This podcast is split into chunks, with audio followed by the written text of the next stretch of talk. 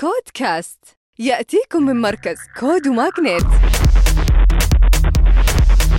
مع طارق الجاسر. وحياكم الله في نشرتنا الأسبوعية. شركة ليفرز السعودية الناشئة تنضم لدفعة صيف 2022 من برنامج مسرعة أعمال واي كومبينيتر بهدف مساعدة الشركات وتأسست بمنطقة الشرق الأوسط وشمال أفريقيا على إدارة الأمور المالية والمحاسبية.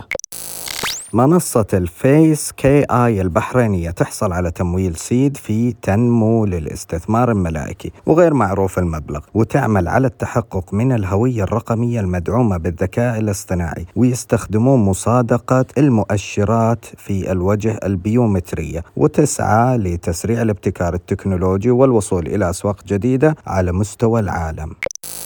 الشركة السعودية المصرية للاستثمار المملوكة لصندوق الاستثمارات العامة توقع اتفاقية للاستحواذ على حصص في أربع شركات مصرية. تعمل الشركات في قطاعات التقنية المالية والخدمات اللوجستية والأسمدة وجميعها مدرجة بالبورصة المصرية.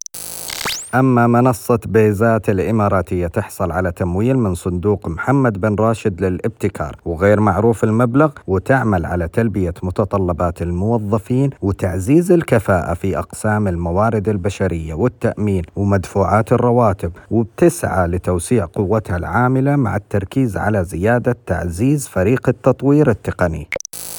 منصة كونفيرت داين المصرية المختصة بنظام التشغيل التسويقي. جمعوا 3 مليون دولار في تمويل seed بدعم من شركة ميراك المالية من السعودية. وهذه الشركة تخدم العلامات التجارية والشركات وإطلاق حملات تسويقية وترويجية قابلة للتطوير ومصممة وفق احتياجاتها.